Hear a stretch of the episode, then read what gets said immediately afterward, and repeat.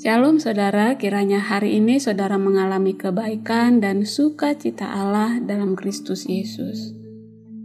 Kita akan membaca dan merenungkan firman Tuhan, mari kita berdoa.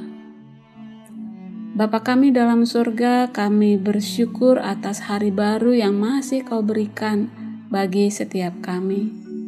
Kiranya kami semakin mengalami perubahan di dalam kehidupan kami, mungkin itu dalam perkataan, sikap, pikiran, dan perbuatan kami. Ya Tuhan, berbicaralah kepada kami, bimbing kami dalam kebenaran-Mu. Dalam putramu Yesus Kristus kami berdoa. Amin. Firman Tuhan hari ini dari Mazmur 19 ayat 8 hingga 11. Taurat Tuhan itu sempurna, menyegarkan jiwa Peraturan Tuhan itu teguh, memberikan hikmat kepada orang yang tak berpengalaman. Titah Tuhan itu tepat, menyukakan hati. Perintah Tuhan itu murni, membuat mata bercahaya. Takut akan Tuhan itu suci, tetap ada untuk selamanya. Hukum-hukum Tuhan itu benar, adil semuanya lebih indah daripada emas, bahkan daripada banyak emas tua dan lebih manis daripada madu, bahkan daripada madu tetesan dari sarang lebah. Lagi pula hambamu diperingatkan oleh semuanya itu, dan orang yang berpegang padanya mendapat upah yang besar. Siapakah yang dapat mengetahui kesesatan? Bebaskanlah aku daripada yang tidak kusadari. Lindungilah hambamu juga terhadap yang kurang ajar janganlah mereka menguasai aku. Maka aku menjadi tak bercelah dan bebas dari pelanggaran besar. Mudah-mudahan engkau berkenan akan ucapan mulutku dan renungan hatiku. Ya Tuhan, gunung batuku dan penebusku.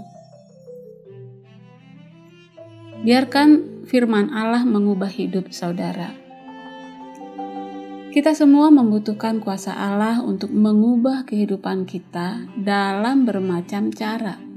Ketika kita membutuhkan hikmat pada saat kita sedang kesusahan, keberanian pada saat sedang putus asa, atau tuntunan dalam melangkah ke depan, kita dapat menemukan kesemuanya itu di dalam Alkitab. Daud saat itu memang tidak memiliki banyak firman seperti yang kita miliki saat ini, yaitu Alkitab. Tetapi dia punya Taurat, peraturan, titah, dan perintah dari Tuhan, seperti yang telah kita baca di ayat 7 dan 9 tadi. Dia menggambarkan firman-firman itu sempurna, murni, dan berharga. Dalam Mazmur ini kita melihat hidup yang diubahkan karena efek dari membaca Alkitab. Seperti menyegarkan jiwa ayat 8a, memberikan hikmat ayat 8b, menyukakan hati ayat 9a, membuat mata bercahaya, memperingatkan adanya bahaya, mendapat upah yang besar di ayat 12 Membaca Alkitab dan berdoa sangatlah berkaitan. Jangan kita sekedar membaca Alkitab untuk mendapatkan informasi, tetapi carilah dan dengarlah suara Tuhan. Respon alami yang bisa kita lakukan adalah proses dua arah.